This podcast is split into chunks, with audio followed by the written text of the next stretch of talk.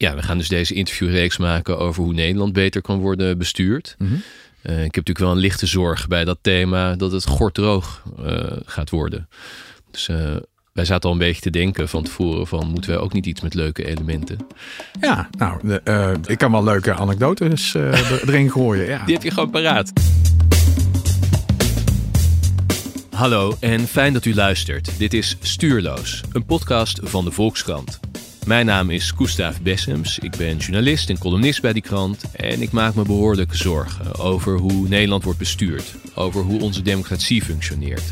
Ik wil het daar alleen niet bij laten bij dat zorgen maken en altijd maar beschrijven wat er mis is. Maar in deze podcast te raden gaan bij mensen die ons verder kunnen helpen in ons denken. Over hoe het wel moet.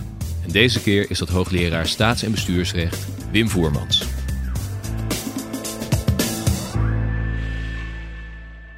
Ja, Wim Voermans dus. Hij is hoogleraar staats- en bestuursrecht aan de Universiteit van Leiden. Hij heeft een heleboel boeken geschreven, maar het laatste boek en meest relevante voor ons gesprek is Het land moet bestuurd worden, naar een citaat van onze minister-president Rutte. U kunt Wim Voermans heel goed hebben gezien ergens het afgelopen jaar, want hij is veel in de media verschenen. En dan denk ik altijd een zekere opwinding bij hem te zien. Bijvoorbeeld over de vraag of er wel goed wordt omgegaan met onze volksvertegenwoordigers, ons parlement en dus eigenlijk met ons.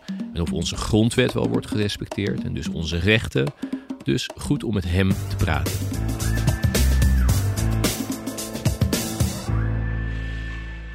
Maar één ding moet ik ook nog eventjes uit de weg ruimen. Omdat dat mij gewoon visueel opvalt. eh, en anders dan blijft dat in mijn hoofd zitten tijdens het hele gesprek. En dat is Ja. je pochet. Ja, Ja. Eh, daar, wat, daar schrijf je ook over in je boek. ja, ja, dat doe ik ook, ja. Ja. ja. Nou, dat, dat, Beetje aanstellerig vond je het zelf. Ja, vond het aanstellerig. Maar Dus daar zit hij weer. Ik kreeg echt een, een, een, een fitty met eh, Donner. Dus ehm Piet Donner eh, is erg gekant tegen het referendum. Heb ik in mijn boek ook uitgezocht. Je zat wij bij dus die- Buitenhof. Ja, ja, wij hadden die wet, eh, die eh, referendumwet, eh, hadden we, wet raadgevend referendum. En één keer gebruikt. En toen, Waarover dat, ook alweer? Eh, dat was toen over het Oekraïne-referendum. Ja, dat werd afgewezen eh, door de meerderheid. Ja. En daarna moest die wet meteen weer weg. Dus die eh, bestuurders die, die zagen tot hun grote schrik dat van allerlei kwanten en types, eh à la Thierry Baudet en een, een men- een man met een matrozenpetje op. Het me, ja. ja, die, Jan die- Roos? Jan Roos. die, die, die wisten de publieke opinie zo te bespelen vanaf begin af aan en een aantal populistische partijen mee te krijgen. En met leden ogen zagen zij aan dat zij dat niet konden. Gewoon referenda doen. Dus Zijn we dan nog op weg naar jouw pochet? Of- ja, ja, ja. Ik neem even, graag even een mooie omweg. Donner die, die, die, die was tot op het bot getergd. Daardoor kwam ook het Oekraïne-referendum landde eigenlijk in het jaarverslag van de Raad van State. Hij was toen, voor, hij was toen eh, Hij was president van de- vicepresident van de Raad van van de. Raad van State. Dat landde in eh, de, de, het algehele gedeelte dat hij geschreven had, waarin heel stellig stond. Referenda en eh representatieve democratie Ja. gaan niet samen. Zie maar eh Oekraïne. Dat moeten we misschien even uitleggen. Raad van State eh, is een hoog, hoog adviescollege van de regering. Ja. Die heeft twee delen. Ze zijn bekend van, als hoogste bestuursrechter. Maar de andere helft is ze adviseren de regering over wetten. Maar één keer per jaar hebben ze ook een jaarverslag. En daar staat altijd een soort inleiding in. Een beschouwing van de vicepresident. Het is een beetje traditie dat die daar dan iets gewichtigs over het Nederlands bestuur in zet. En dat Precies. deed Donner ook. Ja, eh, de, de grootste der erfzonden eigenlijk is eh, een referendum. Maar wat gebeurde? Dat jaarverslag 2016 werd uit. In 2017 komt het nieuwe kabinet. Waar minister Ollengren bij voorrang de opdracht krijgt om de wet raadgevend ref- referendum één keer gebruikt in te trekken. Het lijkt heel lang geleden, maar dat is dit kabinet. Ja. En dit was echt zo ongeveer het eerste wat ze aanpakten. Hè. Het was ook een beetje een kabinet waarvan men zei: wat gaan ze nou eigenlijk doen? Het leek Ja. alsof ze niet zo heel veel eh, actiepunten eh, hadden. Ja. Maar referendum weg, dat was. eh, Bij dat- voorrang en op nummer één, dat moest Ja. echt onmiddellijk en snel weg. Iedereen was daar zo verschrikkelijk door ehm, eh, aangedaan of ge- geïrriteerd over geworden. Over hoe dat ging. Want dat is niet de normale bestuurlijke verhoudingen in Nederland. Niet de- allerlei nieuwe types, schrikken we ons altijd dood van. Moest weg. Wetsvoorstel wordt ingediend. Heel snel, binnen twee weken dat het kabinet er zat. Intrekken dat ding. één keer gebruikt. En toen had de Tweede Kamer wel een boel vragen. En daar was ik ook bij gevraagd samen met wat andere experts. En mij was opgevallen dat er een fout in die wet zat. In het overgangsrecht. Dat, dat klopte gewoon niet. Gewoon een technische fout. Ehm, en de Tweede Kamer sloeg daarop aan, vooral die partijen die graag nog wel een keer een debatje wilden over uh, de wet het referendum, of die wel zo snel weg moest. En toen moest er dus een nadere voorlichting worden gevraagd van de Raad van State. En dat, dat, is, dat vinden ze al zo verschrikkelijk. Dat je nog een keer komt buurten van we hebben geadviseerd. En nou zeg je eigenlijk dat ons eerste advies niet goed was. Ja, dit moet wel ook. Dit is natuurlijk extreme binnenwereld. Hè? Ja. Dit klinkt namelijk voor gewone mensen heel gewoon. Dat als je iets hebt gedaan en er zat een foutje in, dat er dan nog een keer wordt gevraagd. Ja. Van hey, zou je er nog eens naar willen kijken? Dat overkomt ons denk ik allemaal van dag tot dag heel vaak. Ja. Maar wij moeten dus de wereld kennen van deze Raad van State. Een, een hoog college met voorname juristen eraan. De mensen met lange carrières. En daar is dat dus een soort schande, een soort affront uh, als, er, als ze zeggen, hey, wil je nog een keer advies geven? Als, als, als, de Tweede Kamer dan vraagt, wil je nog een keer advies geven? Dat is echt inderdaad een afgang. Een afgang voor de Raad van State. Kort en goed, op een gegeven moment zit jij bij Buitenhof. Maar ik zat daar uh, en kijk, dan komt er pijn binnen. Ik ben iemand van de buitenwereld van die Raad van State. Ik ben een amateur. Uh, en, en, ik ben ook nog lang niet zo lang hoogleraar. En ja, hoe lang, ben je dan, hoe lang ben je dan hoogleraar? Ja, twintig, maar dat telt nog niet echt mee. Uh, en met een aansteller pochetje. Ja. En uh, ik had eerst uitproberen te leggen hoe die technische fout in elkaar zat. Dus het werd allemaal lolliger en leutiger. Zelfs Paul Witteman, die begon een beetje vrolijk te doen. En die zegt op een gegeven moment tegen mij van... Nou, uh, dus dat is niet goed. Maar denkt u nou dat dat nieuwe juridische advies wat er komt... Want ja, de Raad van State, dat is toch een hoogmogend orgaan. Die hebben dat toch wel goed gezien. Denkt u nou dat dat een ander advies wordt? Dat ze anders zullen adviseren? Ik zeg nee, dat denk ik niet. De andere dag, dat wist ik niet, uh, lag er een blauwe envelop van de vicepresident van de Raad van State in Leiden in mijn postvak. Pas anderhalve maand later ontdekte ik, ik scheurde de post door. Want allerlei reclame, boodschappen en zo krijgen ook van alles binnen. En ik denk van, hé, hey, een blauwe brief, kijk nou. Dus, dus ik haal hem eruit. En uh, nou, daar, loopt uh, op het briefpapier, vond ik ook niet zo verstandig, van de vicepresident. Uh, loopt helemaal leeg over mij. Van, het eerste wat hij zegt is: luister, u meende te zeggen dat de Raad van State misschien partijdig was in dit geheel. Nou, ja, jaarverslag van de uh, Raad van State van 2016 leest, dan zijn ze dat inderdaad. Ja, hè? Referendum. Uh, daar had hij dus gezegd van dat het echt niet kon. En ik heb in mijn boek ook nog vier, vijf lezingen vanaf 2002 over hoe die die keer ging tegen dat referendum uh, erbij gehaald. Dus nou ja, maar dat vond hij ongepast. Want dan weet u niet hoe de Raad van State werkt. Nou, dat weet ik echt wel. En dat vond hij voor een hoogleraar staatsrecht toch wel zeer bedenkelijk. Nou, dat, dus was, dat is ook bestuurskut. Hij was pissig. Hij was pissig. Maar um, ik ben nadien drie jaar niet meer welkom geweest bij de Raad van State. Uh, dat was dus, je daarvoor wel? Ja, ja. Voor wat voor soort dingen was je dan welkom? Of van alles van concerten tot bijeenkomsten. Concerten? Ja, concerten. Ze hebben daar uh, uh, in de gotische zaal één keer per jaar een prachtig concert. Een traditie ingezet door uh, Cenk Willink. Klinkt prachtig. Cenk Willink heeft het hele gebouw mee helpen laten verbouwen en renoveren. Wat, wat van allerlei recepties dat, dat heb je er. Dat zal geen top 40 muziek... Nee, nee, dat is meestal 17, 18 de eerste muziek. En daarna geen uitnodigingen meer? Nee, dan is het afgelopen. Ja. En is dat nu nog zo? Nee, de sperre is opgeheven. Oh. Um, want ik, ik heb dus dat boek geschreven, Het Land moet bestuurd worden, waar ik deze anekdote, nou, ik durf wel zeggen, uh, in heb uitgesmeerd. Uh, met de brief uh, gepubliceerd en al. En toen um, kreeg ik ook een brief van Tom de Graaf, die ik ook weer veel te laat las, om heel eerlijk te zijn, want we zaten in corona en die kwam in de post van. Belangrijk thema is hier ja, wel dat je je post eerder moet lezen. Ik moet mijn post eerder lezen. Ja. Ik, ben, ik ben van de elektronische post en uh, als je echt chique, uh, chique brieven krijgt, dan ben ik daar vaak veel te laat op om, om daarop te reageren. Ja, dus weer die, een brief van de huidige vicepresident. Van de huidige vicepresident. En die uh, maakte duidelijk dat hij met veel smaak het, het boek had gelezen. En dat hij graag, dat hij erg hechtte aan uh, goede verhoudingen met de hoogleraar en allerlei mensen in de, in de buurt van de Raad van State. Uh, en dat hij me uitnodigde om uh, een keer langs te komen spreken om, om over de hele uh, episode te spreken. En onder, onder die brief had hij gezet, dat, vond ik ongelooflijk geestig. PS, als u deze brief wilt verscheuren mag u dat ook doen. Dat, dat, dat nam enorm voor me in. En toen hebben we echt... Ehm, een, een, flinke tijd gesproken. Uh, wel op afstand was in coronatijd. Het over van allerlei onderwerpen. Uh, de, de, echt in debat. Uh, vorig jaar in juni ben ik helemaal losgegaan op een advies van de Raad van State. Een ongevraagd advies over ministeriële verantwoordelijkheid. Ik vond dat dat erg eenzijdig de kant van het bestuur En dat was van Tom de Graaf? Hè? Dat, dat, dat was wel, nou ja, Tom de Nou, Graaf onder- had dat geërfd. onder- onder Tom, ja, oké. dat had het geërfd eigenlijk. Dat was al langer gaande. Toch nog een beetje die donder, stiekem. Nou, dat, dat weet ik niet. Eh, dat weet ik echt niet. Maar ze waren er al lang aan bezig, twee jaar lang. En dat vond ik echt eenzijdig eh, de kant kiezen eh, van het bestuur. Bijvoorbeeld wa- waar ik me erg druk over maakte. Wij hebben in Nederland de afgelopen twintig jaar een groot probleem met de beantwoording van Kamervragen. In ons boek, in mijn boek, hebben we 69 informatieincidenten opgetekend. Waarin de Kamer onjuist, onvolledig of niet is geïnformeerd. Dat was vroeger een politieke doodzonde, kon je vertrekken. 69 keer afgelopen 20 jaar, 41 keer onder het Rutte-bestuur. En dat gaat dan voorbij met, eh, ja, eh, hij is toch sorry en eh, we zullen het niet meer doen en we gaan onze stinkende best doen. Maar dat is wel ernstig.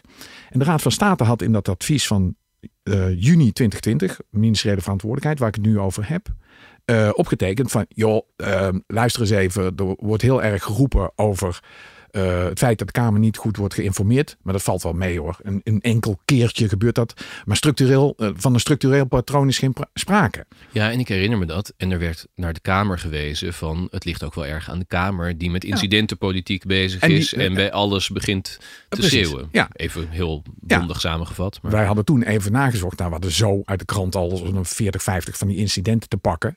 Dus wel een structureel patroon. En de Kamer wordt eigenlijk veroordeeld tot die incidentenpolitiek. Want als jij niet keurig wordt geïnformeerd, dan moet jij wel eh, de hele tijd op incidenten duiken. Nou ja, Renske Leijten, Pieter Omtzigt maken dat duidelijk.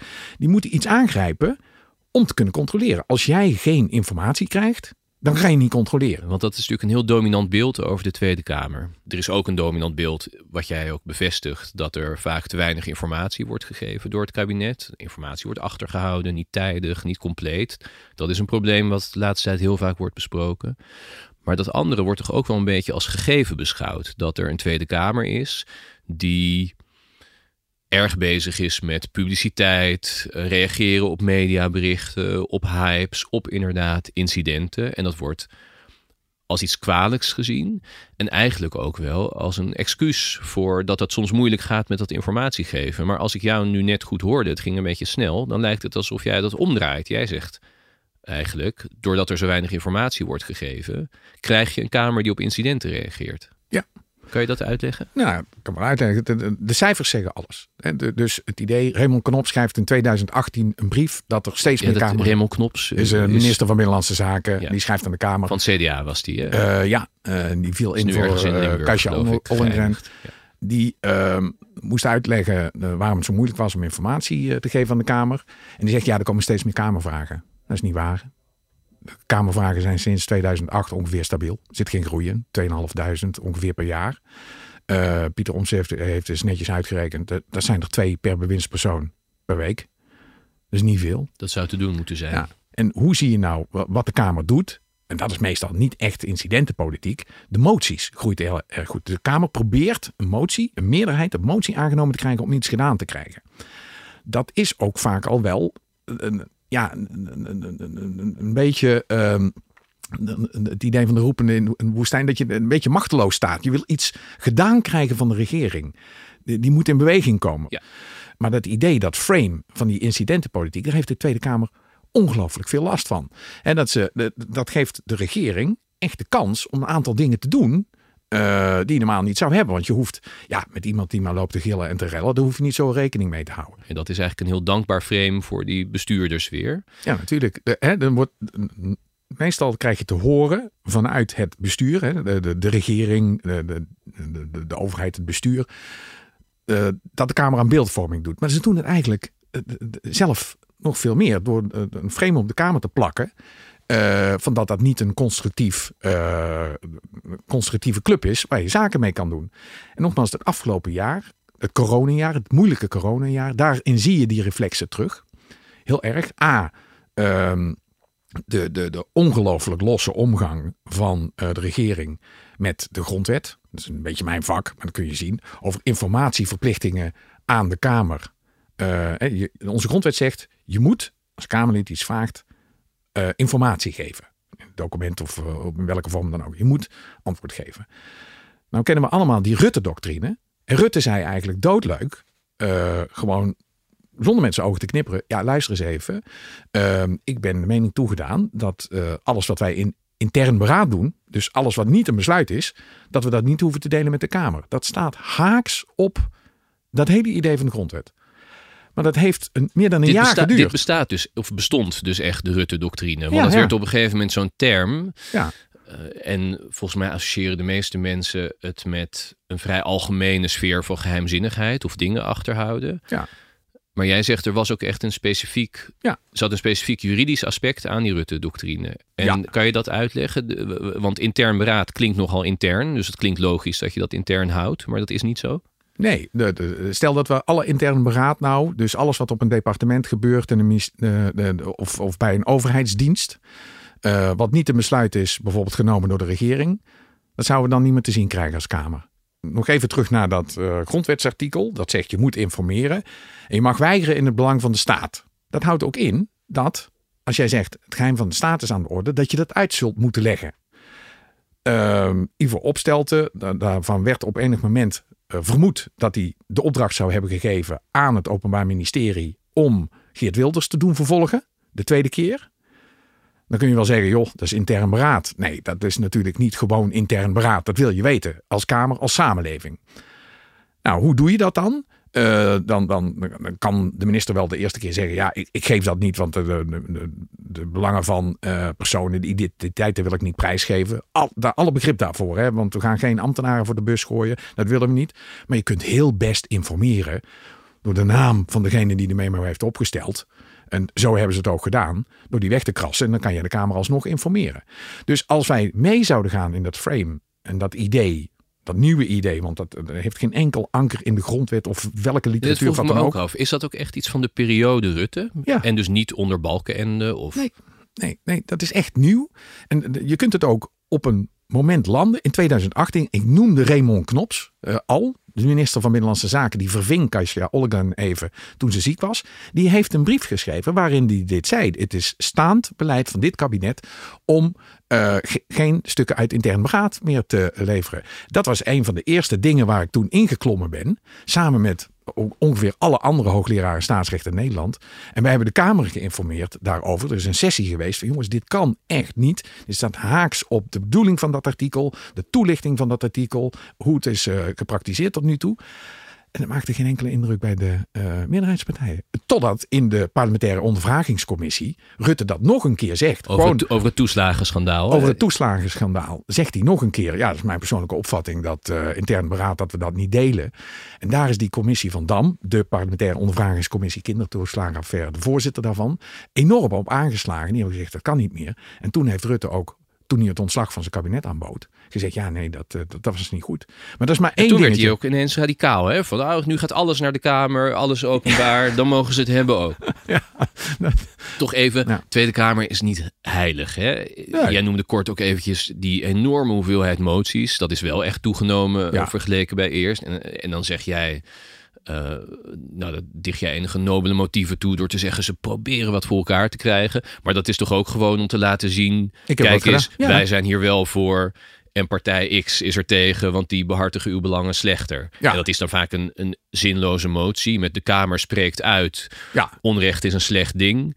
ja. En dan eh, zeggen ze: kijk eens, die partij eh, die vindt onrecht fantastisch, want die hebben niet met mijn motie eh, meegestemd. Zeker, zeker. Dat komt ook voor. Maar deze sfeer hè, van, van bestuurders op een hoger platform dan het parlement, is dat iets eigens van Nederland? Of is dat heel gewoon? Of hoe, hoe zijn wij hier gekomen? Het is iets wat eh, in de hele westenwereld aan de gang is. Dat besturen worden belangrijker. Dat heet wel gouvernementalisering of presidentialisering, noemt Rosan Vallon dat. Eh, de- de- dus eh, dat bestuur steeds machtiger wordt. Onze systemen zijn zo ingericht, onze democratieën, dat ze uitgaan van gelijkwaardige machten. Ook feitelijk.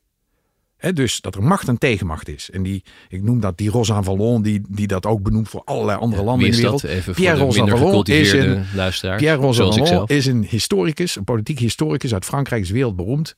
Ehm, de, de schrijft boeken over uh, ja, democratie en democratische verhoudingen uh, die erg aanstaan. En hij heeft een beetje een visionaire Verder kunnen mensen het googlen ja. hoor. Maar... Ja, ja, dus die ziet dat in de hele westerse wereld en die zegt ja, kijk, dan kun je wel zeggen van nou, dat, dat is gewoon zo gegroeid.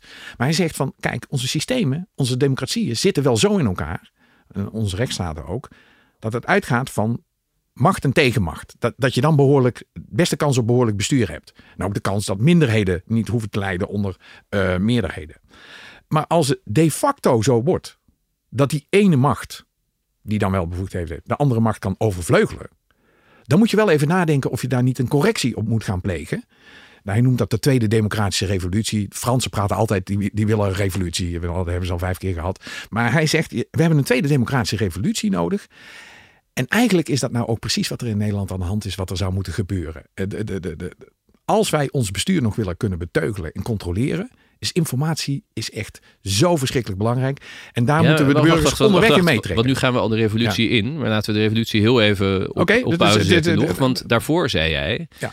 Dit is internationaal aan de hand. Dus dat het bestuur uh, de volksvertegenwoordiging steeds meer overvleugelt. Dat ja. is dus niet een soort speciale Hollandse ziekte waar wij aan lijden, maar dat gebeurt overal. Ja, maar hier wel erger. Dat, uh, dat, dat, heb ik ook in het boek uitproberen te zoeken. Waaraan kan je dat nou zien? Maar eerst even, waarom overal? Waarom is dit? Aan, waar, waar komt dit door? Ja, dat is een eigen dynamiek. Uh, um, nee, die, dat, ja, maar nee, dat, dat nee, mag nee, niet. Dat is eigen, eigen ja, maar dat vind ik geen... Dat is... Nee, is eigen dynamiek. Dat heeft te maken met ik moet concurrentie. een ander, ander antwoord vinden. Wij zitten in een globale wereld en wij concurreren met elkaar. Het is een hele een, een harde concurrentie. Ja. En wij concurreren met elkaar voor onze burgers. Dat doen we op een markt. Daar heeft een overheid een, een rol in. Het is niet zo dat de overheid de markt maar vrij laat. Wij sturen op onze markt. Nederland stuurt op kennis, informatie, op dienstverlening. Daar sturen wij op. Daar is een overheid uh, heel belangrijk in. En degene, de overheid die dat het best doet, die heeft een neusje voor. Dus daardoor Gewoon in zwellen. Van rijker, ja. welzijn. Ja, ik ga de hele tijd boeken noemen. Uh, dat, dat, dat, dat moet maar even staan. Maar er is een boek van mevrouw Matsukato. Dat speelt nou een grote rol uh, bij de uh, formatie van Rutte. En dat heet de Entrepreneurial State. De ondernemende staat. En zij laat zien dat die staten uh, via uh, gewoon geld erin gooien, infrastructuur erin gooien, regels stellen, met elkaar in een keiharde concurrentiestrijd, handelsblokken met een keiharde concurrentiestrijd met elkaar zijn verwikkeld. En degene die het meest erin weet te gooien, we maken geen oorlog meer, maar we maken economische oorlog, die heeft een neusje voor en die kan het beste uh, doen voor zijn burgers. En dat is gewoon een kwestie van geld, omdat dat geld uitgegeven wordt door de besturen, zwellen die besturen. Dit gaat ook misschien wat handiger en wat efficiënter als je niet steeds door volksvertegenwoordigers voor de voeten wordt gelopen. Want... Zeker, zeker. En toch, in een democratie geloven wij erin dat die overheid, wat uh, Abraham Lincoln, de oude president van de Verenigde Staten, ook al een keer zei. Hè, wat is nou het mooie aan ons soort uh, politieke systemen, aan democratieën? Zijn ze het idee dat het draagvlak is, dat je het samen doet, dat je bevolking mobiliseert rondom het idee van de democratisch eigenaarschap. Hij zei het is our governments, uh, de, de goede, ja, dat is een government for the people, by the people, vertegenwoordiging, en of the people. Ja, dus, nee, je zult ja. mij niet uh, tegen nee, nee, democratie nee, horen pleiten, maar even jouw probleemanalyse is, die staten uh, zijn met elkaar in competitie, harde economische competitie vooral. Ja. Daar zijn die bestuurders heel belangrijk voor. Die, stoppen daar veel geld in namens de overheid. Die moeten daar ook uh, grote beslissingen in nemen. Ja. En door dat proces worden die bestuurders eigenlijk steeds gewichtiger en, en kunnen steeds meer dingen doorzetten. Ja. En ja, worden die parlementen een uh, beetje een, een achteraf gedachte. Dat is ja, het ja. probleem. Maar wie zijn die parlementen? Die parlementen, dat zijn wij. Wij zijn de volksvertegenwoordiger. Ja. Wij brengen dat geld op. Dus als je dat ook goed doet, stel dat je nou helemaal niks te maken hebt met het ideaal van democratie, dan is het nog slim om je parlement bij elke stap mee te nemen, want dat is jouw bevolking. Die moet jij mobiliseren. Die moeten dat geld opbrengen. Die moeten. En dus het is gewoon ook onverstandig om je parlement uh, als voetveeg te gaan gebruiken. Uh, nou zeg ik niet dat dat direct gebeurt. Maar uh, de, de, ze er niet bij betrekken. Want dan valt de mobilisatiemotor stil. Dan raak je je burgers kwijt. Dus daarom is dat ook niet slim om maar te is doen. dat nou nog waar? Uh, dat, is, dat is natuurlijk de theorie. Maar als je vandaag de dag en volgens mij is onze premier daar juist heel goed in, als je vandaag de dag de bevolking mee wilt krijgen, dan heb je misschien dat parlement er helemaal niet zo hard meer bij nodig. Maar eerder moet je misschien heel goed zijn in het vertellen van je verhaal en het overkomen op tv. Sterker nog, je kan zeggen, nou, uh, dat lastige, vervelende parlement. We hadden het net al even over dat beeld met hun gerel en hun incidentenpolitiek. En uh, zie ze daar eens uh, door elkaar krioelen. Ik uw ferme bestuurder heb het beste met u voor en het algemeen belang uh, voor ogen. Zo, zo, zo, wordt dat vaak gebracht. Hè? Dus uh, van, nou, dan heb je daar het gaat de, toch de, prima, de, de mensen die krakelen en dan, dan de grote leider, ja. die gaat er een beetje Maar zo kan je toch ook je bevolking bijhouden met de massamedia die hun intrede hebben gedaan. Nou, la, laten we gewoon even kijken precies aan, aan de hand van de afgelopen maanden wat er dan gebeurt. Nederland heeft een torenhoog vertrouwen in zijn democratie, 80 procent. En daardoor hebben we heel veel partijtjes, omdat iedereen de, de, de, kan voor een partijtje stemmen van zijn of haar kunnen. En nou hebben we er bijna 21 geloof ik. In de Tweede Kamer zitten is typisch Nederlands. Helemaal niks om je zorgen over te maken. Het duurt een beetje langer dan vaak. Maar uh, dat, dat is Nederland. Dus 80% vertrouwen in democratie. Versnipperd politiek landschap. Maar als het vertrouwen stuk gaat. Als de Kamer niet meer tot zijn recht kan komen. Als het vertrouwen stuk gaat dan duurt het zomaar ineens een dik jaar voordat je een nieuwe regering voort kan brengen. Er is echt iets kapot gegaan hè, in april. En dat heeft met die as te maken. Die, die, die, die as ging even kapot. Even april, dat was kort na de Tweede Kamerverkiezingen, het begin van het uh, formatieproces. En toen legde uit met die papiertjes die minister Ollongren onder haar arm had uh, voor het zicht van de fotograaf dat premier Rutte had besproken met de toenmalige informateurs of het kritische toen nog CDA-kamerlid Pieter Omtzigt niet Ja. een functie elders zou kunnen krijgen. Ja. Waarbij de interpretaties uiteenlopen of dat eh, een mooie promotie zou worden, die functie elders, of iets waarmee zijn kritiek wat minder lastig zou worden. En daarna zei Rutte, heb ik helemaal nooit besproken. En toen werd bewezen dat dat toch zo was. Dit is waar jij op doelt met daar ging iets Daar stuk. doe ik op. En dat is dus een manier van omgaan met de Kamer. Gewoon ja, niet of verkeerd informeren of een, een spin geven op een werkelijkheid die voor de Kamer op dat moment wezenlijk is. Het ging om een van hun leden. Waar ook duidelijk werd van luister eens even. Het kabinet speelt gewoon met Kamerleden, want dat is niet belangrijk. Ja. Liegen mag je het misschien wel noemen. Dat woord wordt in Nederland, merk ik, altijd vaak vermeden. Maar is hier Beladen misschien wel als op je, zijn plaats? Als je zegt dat je geen herinnering meer aan iets hebt, het is heel moeilijk, want dat zei Rutte toen. Ik heb er geen herinnering meer aan toen hij ermee geconfronteerd werd. Het is vrij moeilijk om daar dan uh, die kwalificatie op te pakken. Je merkt ook dat ik daar zelf een beetje over aarzel. Ik, ik, ben nooit terughoudend, maar dan wordt het heel persoonlijk. Maar je zag dat daar in ieder geval iets stuk ging. En uh, dat is nog niet helemaal opgelost. Uh, het tweede waar je kan zien hoe belangrijk het is om goede gaande verhoudingen te hebben met, met de Kamer, maar ook met de samenleving, is het vertrouwen in de overheid is gekelderd. Historisch voor Nederland. Uh, twee dagen geleden kwam er een rapport uit uh, van de Erasmus Universiteit, waarin duidelijk is dat het van 69% vertrouwen in ons bestuur gekelderd is naar 30% Dan kan je denken van ja, nou dat gebeurt. Jammer, dat gaan we weer opknappen. Maar nu uh, zijn er gisteravond weer nieuwe maatregelen aangekondigd om de coronapiek die we nu ervaren te, uh, uh, ja, te keren. Ja, want wij nemen dit op, uh, wat is het, uh, begin november, zeg Ja, ik er begin even november, bij, want ik ja. weet niet precies wanneer mensen het gaan horen. En dat is op een moment dat eigenlijk voor het eerst weer wat strengere coronamaatregelen zijn aangekondigd. Ja. Nadat in september de Ja. boel juist grotendeels was vrijgegeven. Nou, ik wens degene die het nou moeten gaan handhaven, deze nieuwe maatregelen, uh, veel succes. Laat ik het zo zeggen. Het is een beetje cynisch, maar daar is dat vertrouwen voor nodig. Hè? Dus, dus als jij vertrouwt in je overheid, zal je ook willen naleven uh, wat, wat, er wordt beslist. Dat, dat, dat, dat, zal je dan doen omdat je denkt, dat is een goed idee. En daar is over gesproken met, met mijn vertegenwoordigers. En verstandige mensen hebben daarnaar gekeken. Dan ga je dat doen. Als dat vertrouwen weg hebt en jij denkt van dat kabinet is iets aan het doen wat tegen mijn belang ingaat. Knevelt mijn vrijheden. Is gewoon niet eerlijk. Dan krijg je een groot probleem. En jij relateert dat toch ook wel aan de omgang met het parlement. Ja. Jij denkt dat het afgenomen vertrouwen bij de bevolking, dat dat, dat dat toch wel correspondeert met alles wat we misschien misvinden aan dat parlement. Want ook kiezers kunnen daar natuurlijk heel erg op voeteren. Ja. Dat het toch wat doet, ook met hun vertrouwen, als het parlement ja, niet goed behandeld wordt of geminacht wordt. Ja. Nou, je, je liegen, het... liegen, mogen we niet zeggen, dus Nee, we zullen nee. niet zeggen dat er tegen is gelogen. Nee. En dus dat je niet de informatie krijgt of dat blijkt dat er informatie was die je niet met de Kamer hebt gedeeld. Dat is heel kwalijk. En, en burgers slaan daar ook op aan. Dan denken ze van ja, dat, wordt dus, de katjes worden in het donker geknepen. En wat ik ervan vind. En als ik kies en mijn vertegenwoordiger wil iets weten. Dat doet er niet toe. Dat, dat, dat is een psychologische categorie. Maar als grote groepen mensen dat gaan denken, dan gaan ze zich afkeren van de overheid.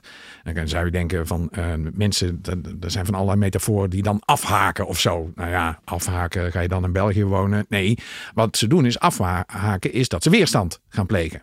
Dus ik ga, ga, even een bocht maken. Een gekke bocht waarin je dat kan zien. Zweden is een net land, toch? Ja. ja. Redelijk net land. Min of meer. Er wonen niet eens zoveel inwoners. En daar weten we uit onderzoek van wat er gebeurt. Ehm, als je als overheid niet meer helemaal doet wat je zou behoren te doen. Hoe dat dan werkt. En dat werkt op een hele gekke manier.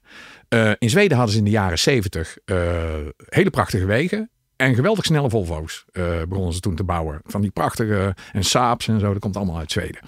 Snelle auto's. Uh, en uh, ja, zo daar in de buurt van Lapland is een ongelooflijk groot land. Uh, was het 80 rijden of 100 rijden? De, de, dat was daar de nieuwe, nieuwe regel. door, nog door Palme ingesteld, geloof ik. Sociaaldemocraten wilden dat van niet snel rijden, want het is levensgevaarlijk. Maar ja, Zweden had totaal niet de capaciteit om dat te handhaven. En toen kwam de premier op tv en die zei: Beste mensen, beste Zweden. Um, parafraseren hoor. Um, uh, luister, we hebben een heel groot land. Ehm, in Nederland hadden we ook zo'n soort campagne. we kunnen niet controleren, de snelheid. Dus we doen een beroep op u om u aan de maximumsnelheid te houden. Oh, wat grappig, want dit is een metafoor die de hele tijd wordt gebruikt bij coronamaatregelen. Ja, ja, maar we hebben, de Zweden hebben voorzien in een real life 50 jaar geleden. 50 jaar nou, geleden. Ja, ja, ja, Dus mogen we dus nee, toch dankbaar voor zijn. Nou komt de gekke sprong. Dus die mededeling is geweest op de televisie. En die Zweden natuurlijk, die hadden ook de autogordel uitgevonden. Die dachten, ja lekker, uh, ik ga niet 80 kruipen. Uh, dan ben ik 14 uur onderweg voordat ik een groot land ben. ook. Groot land. Dus dat deden ze gewoon ook niet. En toen, het onderzoek waar ik het over heb, is een onderzoek van een stel belastingwetenschappers. En die keken naar van hoe zit belastingmoraal nou in elkaar? Waarom houden mensen zich keurig aan belastingwetten? De, de, de, de, over, ik, kan, ik kan het geheim wel onthullen. Uh, mensen houden zich aan belastingwetten omdat ze dat willen. De overgrote meerderheid wil gewoon belasting betalen. Dat geloof je niet, maar dat is werkelijk zo. Maar wat zien die belastingwetenschappers, samen met een aantal criminologen die dat bekeken, die zagen na die mededeling van die snelheid uh, in de weken daarna de belastingmoraal onderuit schieten in Zweden. Zou je denken, dat heeft er niks met elkaar te maken. Snel rijden of belasting betalen. Ja, dat heeft alles met elkaar te maken. Mensen beleven hun politieke systeem als een afspraak. Ja? Overheid doet iets, spreekt iets af, zijn netjes voor minderheden en we leven de regels na. En die overheid gaat erbij helpen. Die ziet toe op die regels. Als die zegt, dat doe ik niet meer. Ja, dan voelt deze zich in een hele dure Volvo vrij om 120 te rijden. En de ander denkt, ik heb geen Volvo.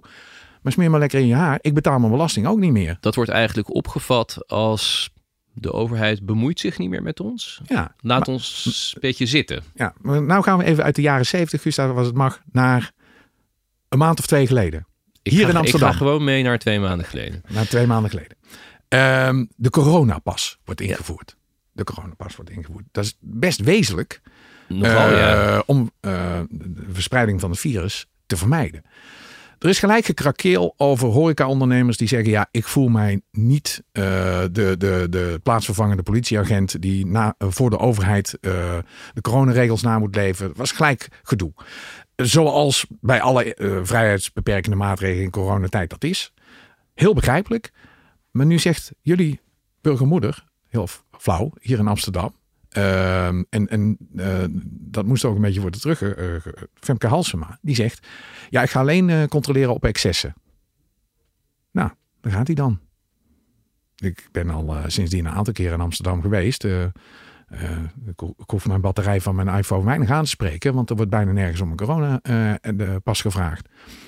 Dat is hoe dat dan werkt. Hoe, hoe, hoe, hoe wij ons verhouden tot een overheid en wat dat betekent voor hoe wij ons in onze samenleving uh, gedragen. Dit zijn twee ongerelateerde uh, incidenten, maar mensen ervaren een democratie als een soort basisafspraak waar je ongelooflijk moet kunnen vertrouwen op degene die daar ehm, nou ja, op, in voorop lopen.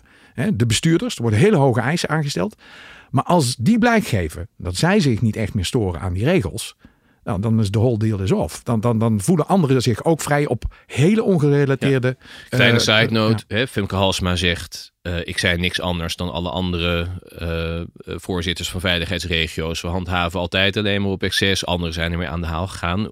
maar hoe dat ook zij het Zweedse onderzoek indachtig, zou dit dus niet alleen betekenen dat jij minder je iPhone tevoorschijn hoeft te halen om de coronapas te laten zien, maar dat het ook iets doet met de moraal op andere gebieden waar men met de overheid uh, te maken heeft. Dus, dus een overheid die zegt: ik, ik bedenk wel iets, maar ik ga er verder niet zo heel erg op toezien. Die straalt iets uit van. Ja. Ja, verwijdering, moet ik het zo? Ja, precies. Maar het punt wat ik wil maken, als de overheid, een bestuur zegt, die regels die er voor mij zijn. Dan komen we weer in mijn vak van de grondwet. Ja, daar heb ik niet zoveel mee. Uh, dat vind ik niet zo nodig om me daaraan te houden. Dan straalt dat ook uit naar de rest van de samenleving. A, dat is heel vreemd, want wij moeten ons er wel aan houden. En waarom zouden we dat dan eigenlijk doen? Dan kom ik weer de, de, de, de hele tijd anekdotes. Hadden we een beetje afgesproken, toch, Gustav? Uh, mij nooit genoeg anekdotes, ja, Wim. Uh, kom maar door. De, de, de, de, drie staatssecretarissen. Die werden benoemd. Jessel Gus en twee anderen nog, uh, van Mijnberg, die uh, werden benoemd tot staatssecretaris in een dimensionair kabinet. Na de verkiezingen. Ja, want na de verkiezingen, ja. sowieso zijn er veel bewindslieden vertrokken. Maar er gingen er ook nog een paar uh, na de verkiezingen al weg. Die formatie duurt natuurlijk ook lang. Ja. Dus dan heb je onbezette posten. Dat kan niet. Ja. En deze drie mij ontschiet eerlijk gezegd ook even wie de derde is. We, bieden hem of Wiersma haar... en Van Wijnberg. Oké, okay, ja. nou hoeven we geen excuses aan te bieden. zijn allemaal genoemd. Maar die schoven door vanuit de Kamer. Die hadden op de lijsten gestaan voor hun partijen, toch? Ja. Die en, waren gewoon gekozen in de Tweede ja, Kamer. gekozen in de Tweede Kamer. Ja. Maar er waren vacatures in het kabinet. En toen schoven zij door naar ja. het kabinet. Maar wat ze deden is dus, zij uh, werden benoemd. Nieuw tot staatssecretaris in een demissionair kabinet. En ze behielden een kamerzetel. Dan zou je kunnen denken, ja, maakt er nou uit? Nou, dat maakt wel degelijk uit. Hier heb je ook weer een duidelijk voorschrift in de grondwet en in de kieswet. Dat zegt, dat kan niet. Je kunt niet het Kamerlidmaatschap met een staatssecretariaat combineren. Dat kan niet. Artikel 57 van onze grondwet zegt dat. Voor degenen die het na willen lezen. In het derde lid moet je dan wezen. Uh, dat zegt uh, sowieso kan je niet tegelijkertijd Kamerlid en bewindspersoon zijn. Er is één uitzonderingetje. En dat uitzonderingetje is dat als jij ooit voor de verkiezingen jouw ontslag hebt aangeboden, dan mag jij na de verkiezingen nog even doorfunctioneren, ook als Kamerlid. En dat is zinnig, want veel van die. En heb je heel even ja, een dubbelfunctie. Heb je heel even dubbelfunctie. En dat is vooral voor die partijleiders natuurlijk van belang. Dat als het kabinet zijn ontslag heeft aangeboden en Rutte zou niet terug mogen keren in de Kamer, dan kan hij ook niet ja. het formatieproces. Maar hij heeft altijd iets geks met gegogel. Dan is iemand het ene ja, moment minister. Oh nee, nu praat ik even als fractievoorzitter. Maar dat is overkomelijk, want dat is even een overgangs. Even kort. Maar dat geldt alleen maar voor die mensen die aanvankelijk hun positie ter beschikking hebben gesteld, zegt de grondwet. Die al in het kabinet zaten. Die al in het kabinet zaten. En als jij niks ter beschikking te stellen hebt, dan geldt die regel van dat jij even de uitzondering mag hebben, geldt niet. Nou, daar werd ook weer, uh, dat, dat trok veel vijandelijk vuur uh, voor Rutte. Maar Rutte zei doodleuk van ja, kan wel. Het gaat om het veel te losjes hanteren van regels die eigenlijk heel duidelijk zijn. En die je dan een beetje bij probeert te buigen voor je eigen uh, gebruik. En daar moet je heel erg mee oppassen. Want als jij niet vindt dat geen enkele burger zoiets mag doen en jij doet dit wel, dan geef jij wel een heel verkeerd voorbeeld. Vooral als het om hele wezenlijke regels van het politiek spel gaat. En daarom, ik blijf altijd hangen op die informatieverplichtingen. Dat vind ik het meest wezenlijke. De Kamer kan alleen maar functioneren. De zuurstof van een Kamer kan alleen maar controleren als je informatie krijgt. En alles wat daar een drempeltje voor opwerkt, of dat het een beetje afknijpt, zorgt ervoor dat de Kamer leegloopt. En waarom is dat nou zo verschrikkelijk erg met hun incidentenpolitiek en wat dan ook? Onze Kamer heeft te maken met een brain drain op het ogenblik. Het gebeurt nog heel weinig dat Kamerleden twee termijnen volmaken. Het is, je bent echt het pispaaltje, het putje. Uh, kamerwerk is ongelooflijk moeilijk. Je hebt bijna geen ondersteuning. Dat is het, ongeveer het laagst van heel Europa. Uh, als het gaat om ondersteuning van onze Kamerleden. Ze durven het niet voor zichzelf te vragen, want ze, ze worden toch al beticht zakkenvullers, zakkenvullers. zakkenvullers te zijn. Dus dat kan echt niet. Dat is het Nederlandse taboe. Maar dat betekent dus ook dat ervaren Kamerleden die zouden kunnen controleren. Je moet ervaring hebben, je moet weten waar je naartoe moet. Dat die langzaam uit de kamer aan het wassen zijn. En kijk, en dan, dan, dan heb je de slechtste van de werelden bij elkaar. Je behandelt de kamer alsof ze niks kunnen. Uh, soms, uh, of, of, of, niet uh, op de manier waarop dat zou moeten. Je informeert ze niet zodat ze kunnen controleren. Je plakt er een beeld op dat ze alleen maar rellen, incidenten. Nou, en dan gaan dus ook mensen die dat kunnen, dat ongelooflijk moeilijke vak, die gaan dan ook weg. Dus dan, dan, dan dat is een, een neerwaartse spiraal die we echt moeten zien te keren. Ja. Ja. Nou, nou heb ik mezelf uh, als opdracht gegeven voor deze gesprekken. Um, omdat, want ik schrijf, ik schrijf zelf uh, ook wel eens over het openbaar bestuur. En dan schrijf ik ook graag over wat er allemaal mis aan is. Ik probeer ook wel een beetje mee te denken in alle, uh, nou ja, hè, hoe marginaal dat ook is met stukjes in de krant. Maar ik heb mezelf nu ook wel echt wat meer als opdracht gegeven van, nou even kort samengevat, hoe dan wel?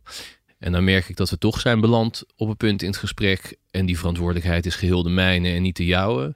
Maar bij de slechtste werelden bij elkaar. En we zitten in een neerwaartse spiraal. Hm. Uh, dus, uh, dus ik heb het gevoel dat ik daarop moet, uh, op moet ingrijpen. Ingrijpen op mezelf dus, hè? Alle goede, goede orde. Ja, ik merk, nou ja, ik merk zelf ook wel, dat is niet, ehm, dat is niet alleen maar voor de vorm. Ik maak mezelf ook echt wel grote zorgen. Uh, ik zeg dat even in het introotje van deze uh, podcast, maar dat is ook echt wel zo. Ja, het, gekke is, ik maak mij hier al lang zorgen over. En dat is een jaar of 10, 12 al, uh, op allerlei manieren. Er was nooit gehoor voor, om heel eerlijk te zijn. Nu komt dat weer wel. Dus dan, dat, dat, dat, wil zeggen dat het benoemd wordt, dat er iets mee gebeurt. Ja. En zorgen over? Wat, Gewoon hoe, hoe over noem het, jij het dan? Wij hebben zo'n prachtige democratie.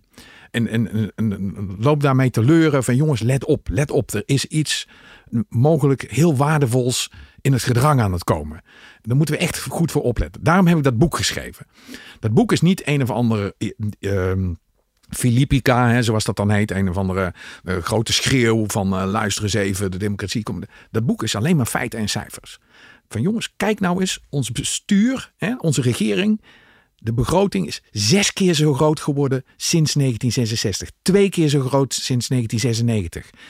Dat, uh, dat gaat allemaal door de handen van het bestuur. Uh, trouwens met de, dezelfde aantal ambtenaren als in 1996. Daar kan de Kamer niet tegenop. Uh, totaal ja. niet. Dat is de kern van jouw zorg. De kern van jouw ja. zorg is een steeds machtiger bestuur. Ja. Met steeds meer middelen. Steeds meer ingrepen op ons leven eigenlijk ook uh, langs die weg. En een Kamer die namens ons dat bestuur zou moeten controleren, die daar steeds zwakker tegenover komt te staan. Precies. Dat is de kern. En het bestuur begint ook steeds meer managerial te werken, als de, de overheid als een bedrijf te runnen. En dat is gewoon in zichzelf ook verkeerd. Want dan gaat het democratische eigenaarschap gaat kapot. En toch is dat het mooie van ons politieke landschap. Wij zijn een land van minderheden. En toch lukt het hier. Want dan zou je zeggen, dan, dan kan je nooit slagvaardig bestuur hebben. Ja, dat lukt wel. Daar hebben wij een kunstje voor. Wij, wij heffen die bestuurders op een schild. Die moeten onafhankelijk zijn, eenvoudige mensen, hè, ingetogen een beetje.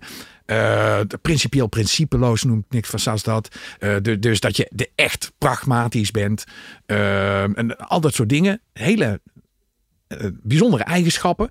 En wij praten dus maar door. Maar op een gegeven moment geven wij het over aan zo'n bestuurder. Die krijgt een mandaat. En die moet dat dan gaan doen. Boven de partijen. Niet zeuren. Ja. Nou, nou dus het is ook het geheim van ons succes. Dat is het geheim van ons succes. En dat is ongelooflijk moeilijk. We hebben dezelfde regels als alle andere landen. En daar hebben wij een soort evenwicht in. En waar ik mij zorgen over maak. En daarom heb ik dat hele boek geschreven. Het is wel een evenwicht. Als die bestuurders dat kapen.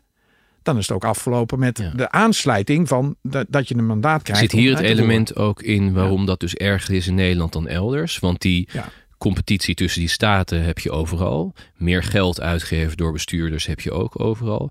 Maar bij ons komt daar een traditie bij van een minderhedenland die sowieso veel uit handen geven aan bestuurders. Ja. Dat zijn we eigenlijk al gewend. Ja. Dus daar zit een, een versterkend effect.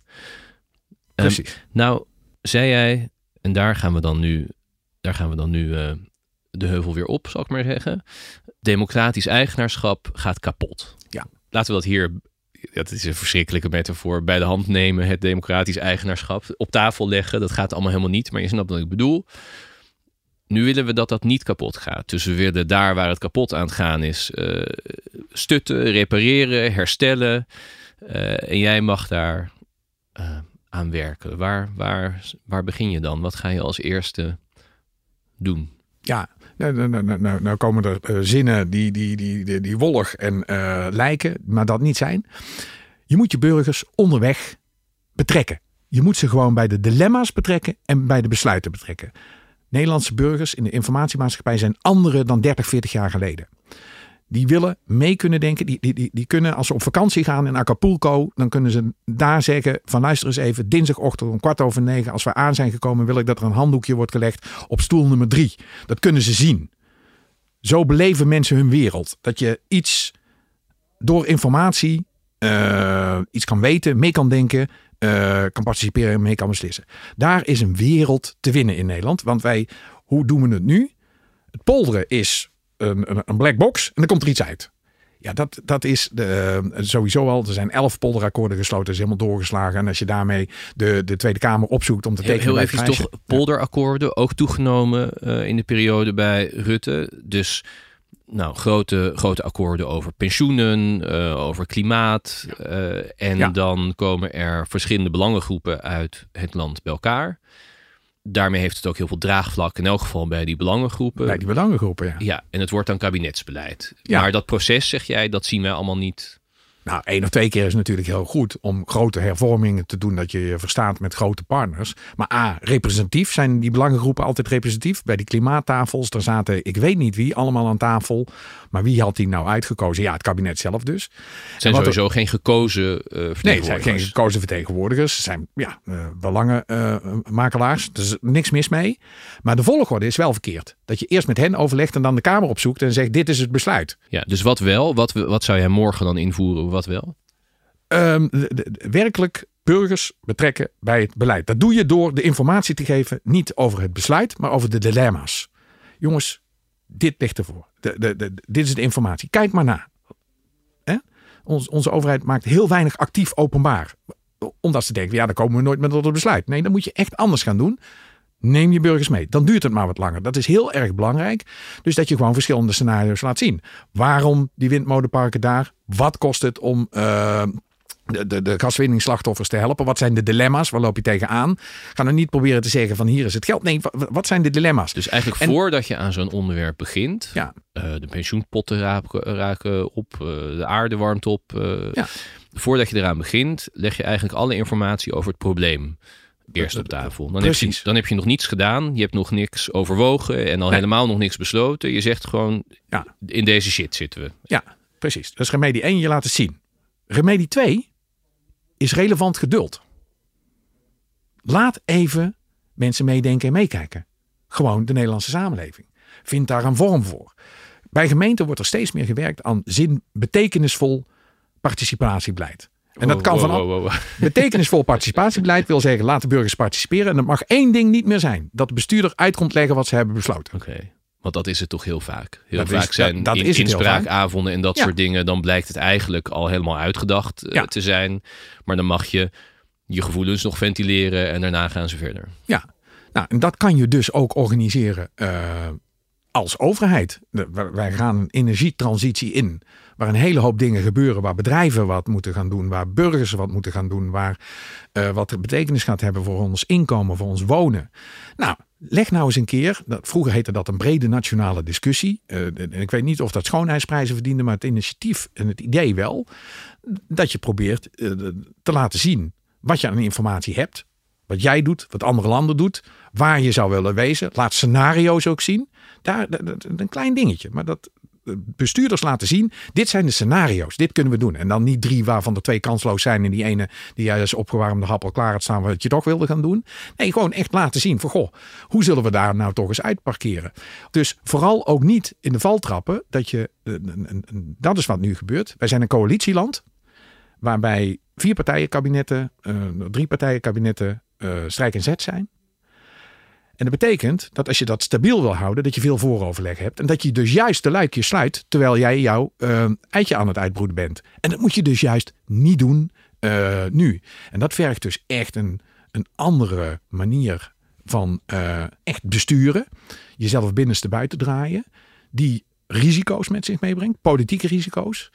En dan zal je dus relevant politiek lef voor aan de dag moeten gaan leggen. Ja, hoewel zoals jij het schetst, het met die risico's misschien ook wel weer meevalt. Want de angst bij te veel openheid gaat eigenlijk heel vaak over eigen onderhandelingsposities en eigen opvattingen. Als wij al heel duidelijk zijn over wat wij hebben ingezet en straks komt eruit dat we dat niet hebben binnengehaald, dan is dat pijnlijk. Maar jij zegt eigenlijk, geef gewoon heel veel data over het probleem. Ja. Uh, wat überhaupt moet worden opgelost, zodat de bevolking daar in elk geval uh, in mee is, nog voordat er eigenlijk een beleidsdaad is verricht. De, eerst weten, inderdaad. En dan, neem dan ook maar positie. Laat maar duidelijk zien waar je voor staat. Uh, dat zal betekenen dat je niet alles kan doen. Wat die, die regeerakkoorden die we tot nu toe gehaald hebben, die waren gigantisch ambitieus. De afgelopen tien jaar is het hele land op zijn kop gezet. Dat is gewoon te ambitieus om burgers in dezelfde snelheid in mee te nemen. En daar moet je toch een beetje op aftikken. En het is uh, eigenlijk juist ja. heel snel gegaan met ja. al die akkoorden die jij beschreef. Precies, ja. Waarbij we die informatie pas achteraf hebben gekregen. Die kregen pas achteraf. En dat is precies de, de, de, wat eraan schort. Daardoor kon de Kamer eigenlijk niet voldoende meedenken. Die kregen een resultaat gewoon gepresenteerd. Um, en ja, heel veel hervormingen zijn er geweest. En Rutte blijft het mantra afdraaien. We zaten in een hele grote crisis. Dat was ook zo. Dat ontken ik ook niet. En dat is echt ongelooflijk goed aangepakt. Maar dat is te geworden. Daarin is het doorgeschoten. En dat hele idee een is blijven permanent bestaan. crisisbestuur van ja. val ons nou niet lastig. De problemen zijn zo groot. Precies. Ja. En in plaats daarvan pleit jij voor een radicale openheid. In elk geval over de probleemstelling. Dit is er allemaal aan de hand. Zo, zo groot is het stikstofprobleem. Hè, nog los ja. van welke optie je dan gaat kiezen. En jij wil, neem ik aan... Uh, indachtig je eerdere probleemanalyse... dat ook naar die Kamer veel meer informatie gaat... en dat die Kamer veel sterker wordt. Ja.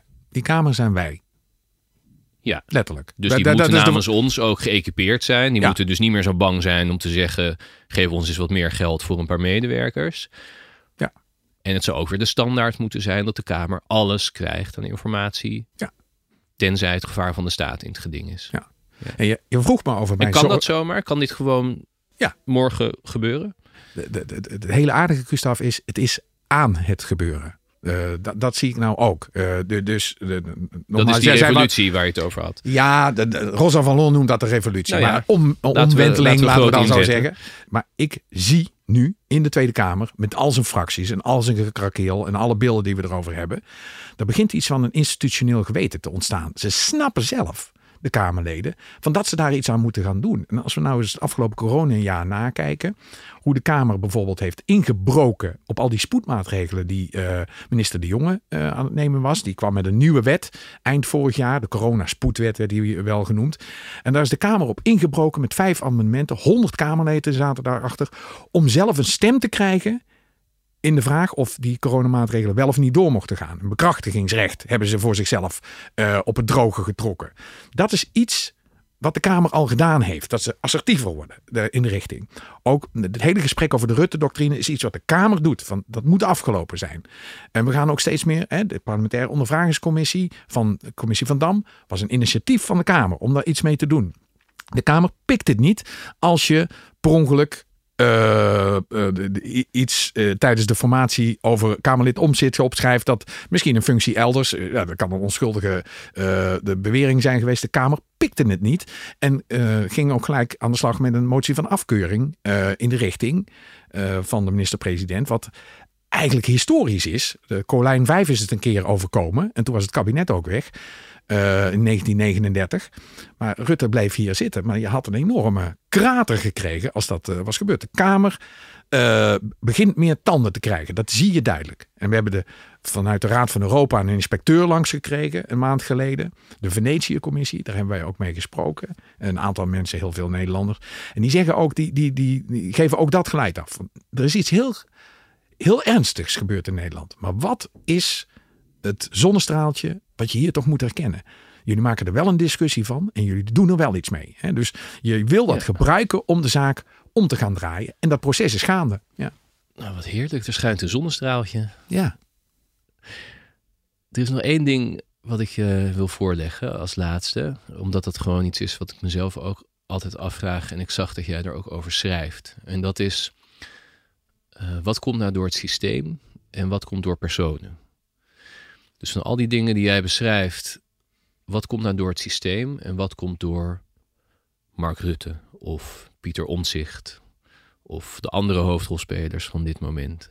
Ja, ja, je, je ziet ook dat ik uh, in het boek, uh, dat is werkelijk een groot theoretisch vraagstuk. Hè? Je, je hebt um, een, een, richting die zegt van de, de, de, Carlyle Principle heet dat. Van grote leiders doen er toe. De, de, de, de geschiedenis wordt gemaakt door grote leiders, door de karaktertrekken. Dat is een heel oud idee. En dan hebben we een moderne inzicht dat zegt, ja, eigenlijk gaat het om de systemen. Wat zijn die leiders? Dat zijn de poppetjes de, die spelen. Die had je zo in kunnen wisselen. Ja. Als het de instituten en regels alleen zouden zijn, dan zouden al die democratieën, die net zoals wij zijn ingericht, allemaal dezelfde uitkomsten moeten hebben, toch? En dezelfde problemen. Ja, dat is dus niet. Wij, wij zijn er heel typisch in. Als het grote mannen, uh, mensen zouden moeten zijn, als dat het verschil zou maken, ja, dan uh, waarom blijft het dan in België, uh, als ze geen grote mannen hebben, ook goed gaan en hier niet? Dus dat, je moet even dat proberen te balanceren. En waar ik dan op uitkom is, wat heel bepalend is voor hoe instituten en regels werken in een democratie, is de cultuur. De cultuur die wij hebben, onze polgcultuur. En, en, ik laat dat ook zien. In, in Nederland voeden bestuurders elkaar in die cultuur op. Waarom vinden wij, en daar zijn wij allemaal onderdeel van, waarom vinden wij Mark Rutte, wat een hele bijzondere vent is? Waarom vinden wij. Waarom is het zo'n bijzondere vent? Het is een bijzondere vent omdat hij de Nederlandste Nederlander is. Dat snapt hij heel goed je kent die cultuur. dit, deze meneer heeft geschiedenis gestudeerd. Hè? Ook in Leiden. En daar bestuderen wij de cultuur achter de instituties. Dit, wat ik nu allemaal zeg is allemaal gejat werk van Henk de Velde. Die heeft twintig jaar lang politiek bestuurlijke cultuur vanaf 1798 met een hele vloot van promovendi uh, uh, bestudeerd.